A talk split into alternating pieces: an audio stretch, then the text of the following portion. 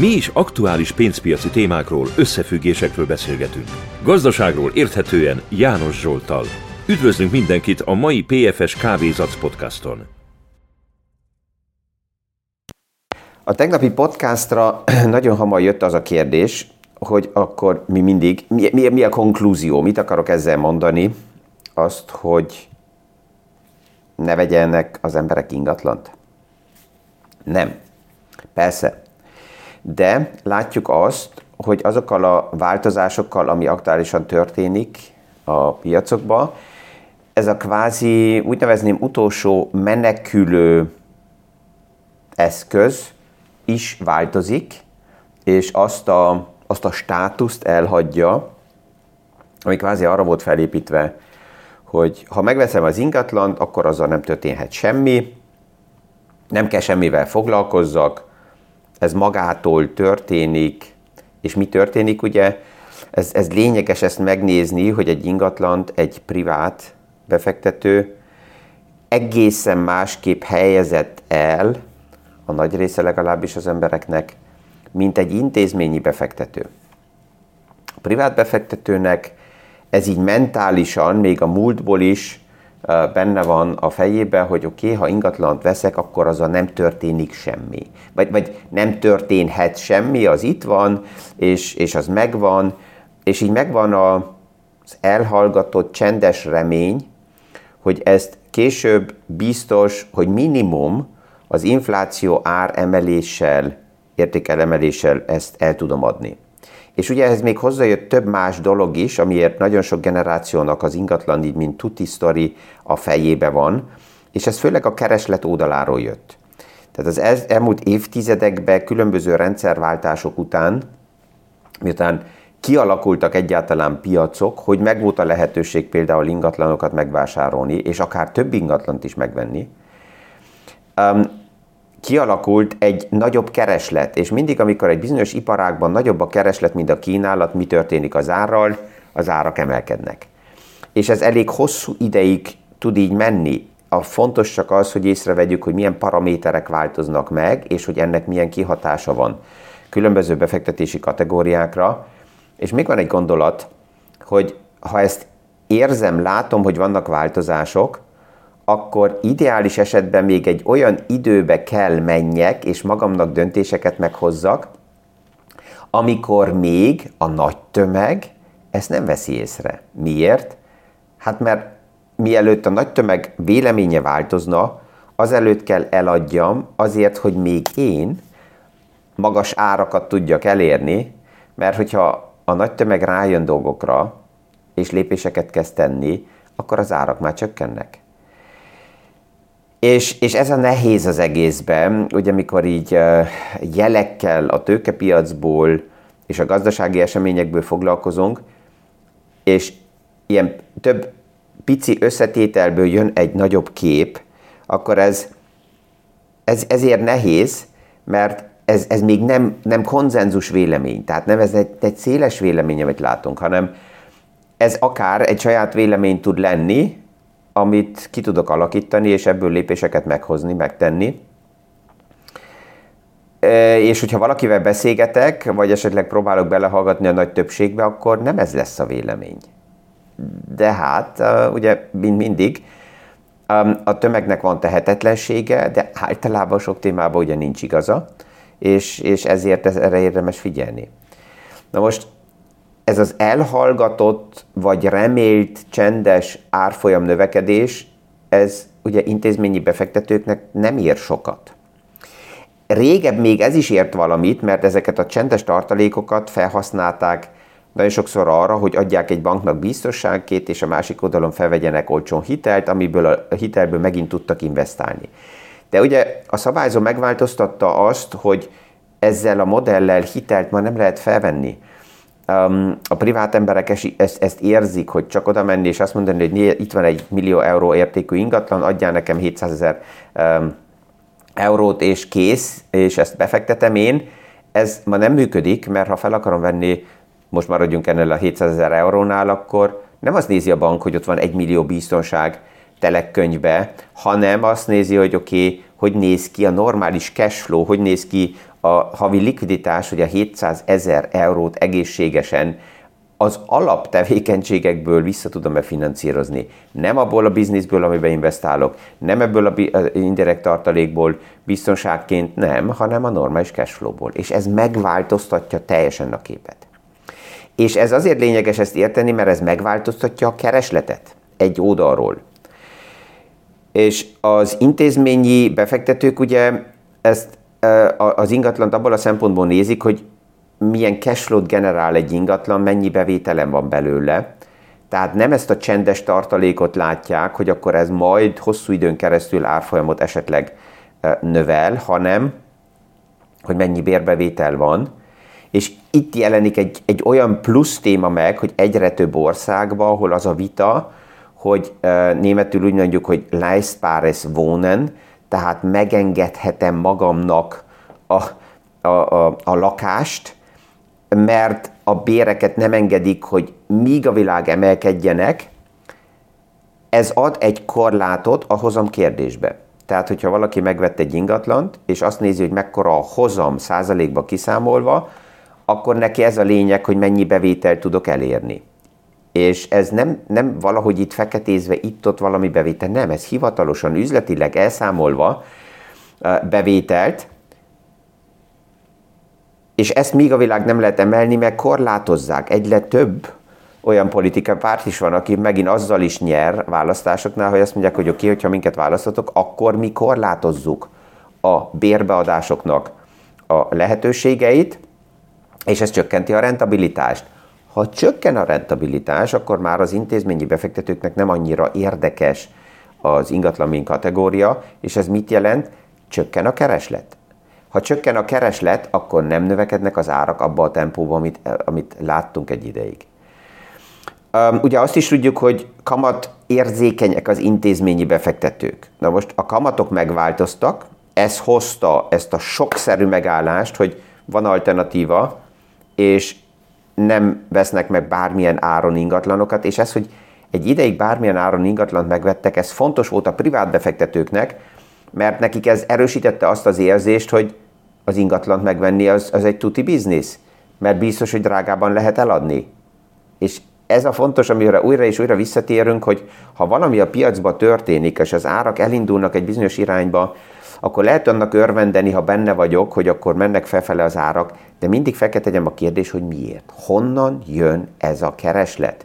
És ez a kereslet mennyire egészséges, mennyire tartós, mennyire um, csak egy divatos helyzet, egy különleges helyzet, egy átmeneti helyzet, mert csak akkor tudom ezt egészségesen kezelni.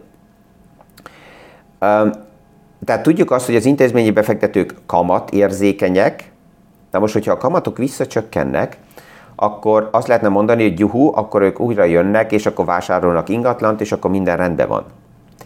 Nem teljesen. Az egyik, amit ugye mondtunk, hogy a bérbeadás az különböző ingatlanoknál, nem mindennél, de különböző ingatlanoknál korlátozott, ezért ott a hozamódalát nem tudom emelni. Ezért oda nem fognak visszajönni. Plusz, egy pár évvel ezelőtt ez már megjelent, hogy az ingatlanoknak megvan ez az energia igazolványuk. Tehát ha valaki ma ingatlant vesz, akkor az ár mellett az egyik legfontosabb kérdés az, hogy hogy néz ki az ingatlannak az igazolványa, az energiaigazolványa.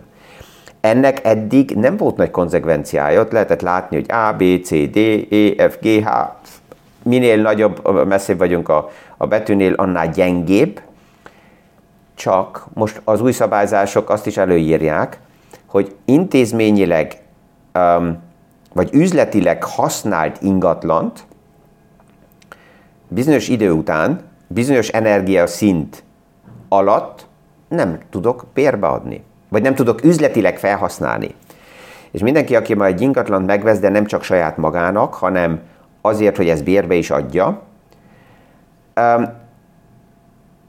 és ezek, ezek, akik ezt így vették meg, ezek fontosak voltak azért, hogy az árak menjenek fel, mert ha kereskedés történik és forog egy, egy piac, akkor van árképzés, akkor látom, hogy hova alakulnak az árak.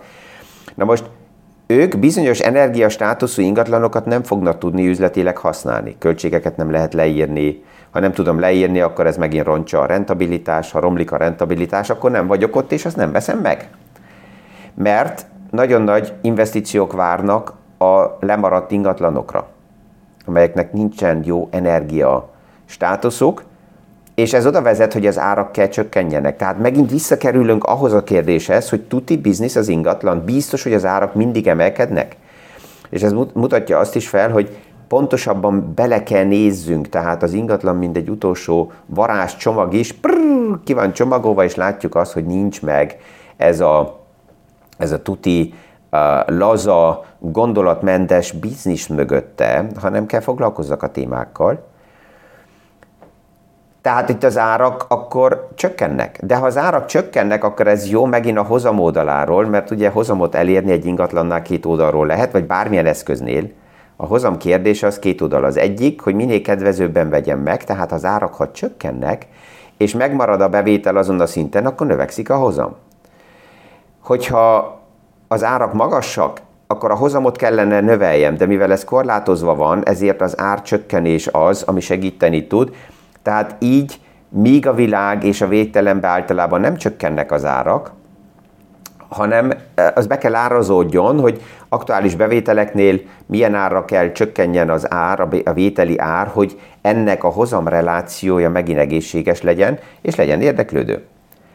Ez persze azokat érinti, akik túl későn vásároltak, túl drágán vásároltak, és most le kell mondjanak reményről, mert egyelőre, hanem nem tudják eladni a magas árakon. És, és ez a sok-szerű megállás, ami most van, ez nem tart még a világ, ez csak addig tart, amíg normalizálódik újra a likviditás, az árak újra helyre kerülnek, és hogy ez mínusz 10, mínusz 20, mínusz 30 százaléknál van, ezt ma még nem tudjuk.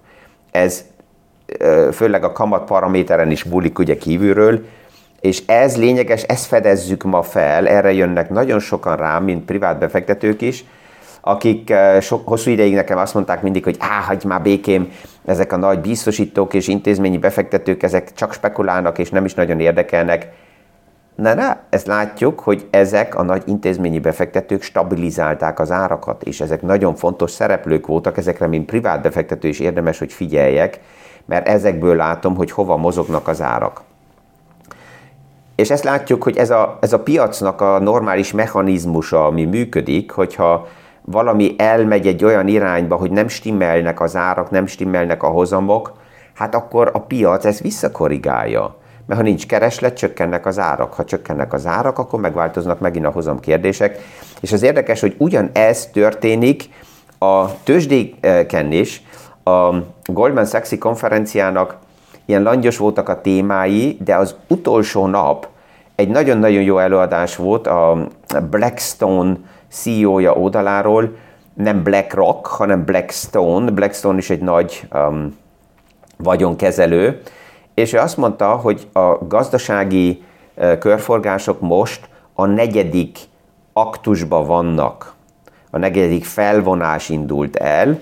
Az első az volt a stimulus, a, a likviditási támogatás a piacoknak, a második felvonás volt az infláció, a harmadik volt a fékezés, a monetáris, radikális fékezés a központi bankok oldaláról, és a negyedik ez a lehűlés. Azt lehet mondani zárójelben, hogy végre látunk olyan jeleket a gazdaságból, hogy jön a lehűlés. Miért végre? Hát ezt akarták a központi bankok, pont ezzel visszaszorítani a, az inflációt, hogy lehűl a gazdaság, mert ha lehűl a gazdaság, akkor először csökkennek a forgalmak, a vállalatoknak ez nem érdekük, hogy azt mondják, hogy hú, ah, kevesebb a kereslet, ezért ja, csökken a forgalom. So is ez. Nem tehetünk róla, nem ők kell reagáljanak, és hogy reagálnak, árakat kezdenek el csökkenteni azért, hogy alacsonyabb áron, alacsonyabb marzsal, de a darabszámokat még megtartsák tovább. Ha csökkennek az árak, akkor ez jó, mert csökken az infláció, és hát pont ez a lehűlés, ez az, amit a központi bankok el akartak érni. Ez ugye az a, az, az ér, érzékeny kérdés átmenetileg, hogy már, hogy még hogy, hogy, hogy már elszalasztották azt a pontot, amikor meg kellett vonálni a fékezéssel, és túlszalad a fékezés, vagy nem. Tehát ez, ez mindig ez a balansz um, akt kérdése. De hogyha ugye a, azzal, hogy rengeteg adat áll rendelkezésünkre, ez a jó oldala az egésznek, mert sokkal érzékenyebben lehet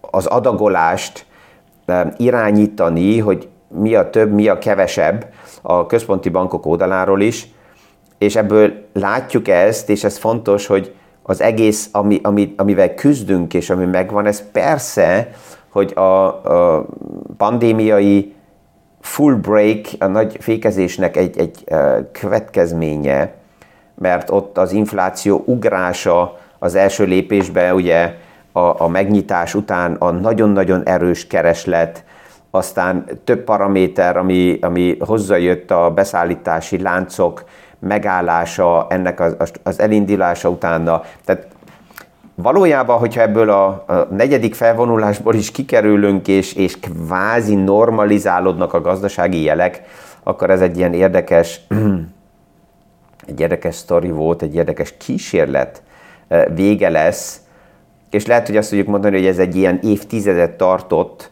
2020-tól 2030-ig, amíg, amíg minden jel kikerül ebből a, ebből a e, nagy hullámból, ami zavarta a gazdasági modelleket, azért, hogy újra életképesek legyünk, új zavaró hullámokra, ezek mindig fognak jönni, de ebből a, ebből a nagy sokból, hogy, hogy kikerüljön a, a gazdaság.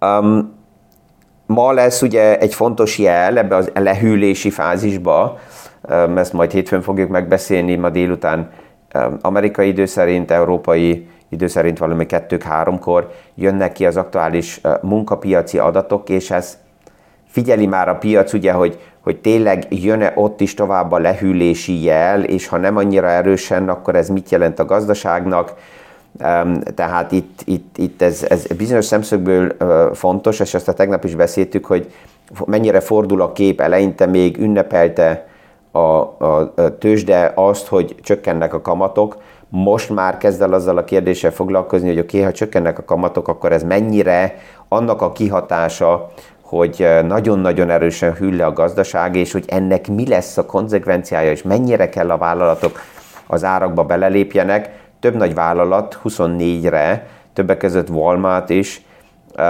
deflációra számít, tehát hogy annyira erősen kell az árakat csökkentsék, azért, hogy meg tudják tartani a darabszámokat a forgalomba, hogy ez összehasonlítva a tavalyi évvel nem csak infláció lehűlés, hanem deflációt jelentene, ami megint ugye rövid időre egy, egy nagyon erős fékezés, de hosszú távra megint egy fontos jel azért, hogy akkor a, a radikális fékezési politikából tényleg tudjuk kicammogni a központi bank. És 24-ben egy érdekes jelenséget fogunk nagy valószínűséggel látni. A Japán Központi Bank, ugye ezt már többször jelezték, az ultra laza politikát el akarja hagyni, 0,75%-kal emelték a kamatot.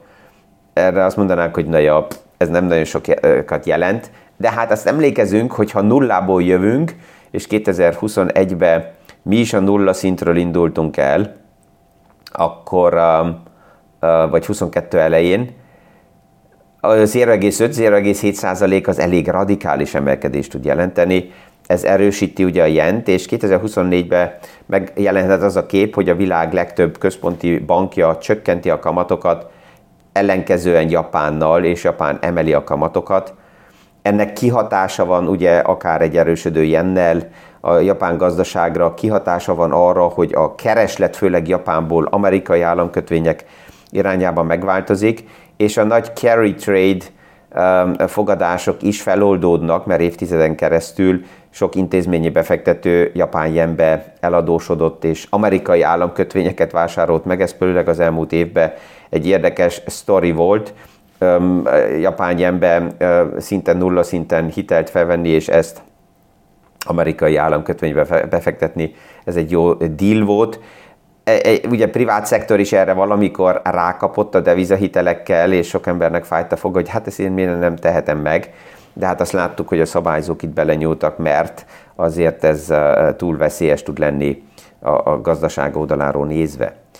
Tehát ez a carry trade ott, ott, ott feloldódik. Um, Ja, és a végén még egy kabaré, ezt, ezt be, be kell vegyem, mert ez, ez vicces, hogy, hogy de hát lehet, hogy 10 év múlva, vagy 20 év múlva, vagy 30 év múlva hasonlóan fogunk erről beszélgetni, mint Berkshire Hathaway-ról. GameStop, megint, a meme részvényünk. A GameStopnak a management boardja eldöntötte, hogy akkor most már engedélyezett a managementnek, hogy idegen részvényeket, idegen értékpapírokat vásárolhassanak meg. Tehát mivel a saját biznisz nem működik, ezért most GameStop értékpapírokba, részvényekbe tud investálni. Lehet, hogy Charlie Mangannak a, a halála motiválta őket arra, hogy hasonlóan, mint Berkshire Hathaway, Berkshire is ugye nem befektetői konglomeratus volt mindig, hanem először a textiliparba um, dolgoztak, és miután um, Warren Buffett átvette a vállalatot, és látta, hogy a textiliparákban nem jók a számok, elkezdtek más vállalatoknak a részvényeit és részeit felvásárolni, és így transformálódott a textiliparákból Berkshire a legnagyobb befektetői konglomeratusig. De ja, és GameStop is most elkezd um, értékpapírokkal Um, az egyik vicces sztori ugye volt a film, amikor 17%-kal ugrott az árfolyam, csak azért, mert megjelent egy film a, a meme a részvények sztoriáról, ezt tényleg mindenkinek javaslom, akinek néztem még meg, mert nagyon vicces, és sok mindent így elmagyaráz és bemutat, hogy annak idején ott mi történt a háttérben. Lehet, hogy ez még akár folytatódik is, az egész sztori, mivel most megjelentek ugye a kriptók, még az is lehet, hogy GameStop akkor kriptóbefektetővé fog válni, Who knows? Tehát értéke belül még mindig nincsenek, de ez, ez így, így, így kabarészerűen érdemes. Így, így a színpadon van néha ezt így egy kicsit figyelni. Also mindenkinek kellemes második adventi hétvéget kívánok, és a visszahallásra a hétfő reggeli PFS Kávézat podcastig. Mi is aktuális pénzpiaci témákról, összefüggésekről beszélgetünk. Gazdaságról érthetően János Zsoltal. Üdvözlünk mindenkit a mai PFS Kávézac podcaston!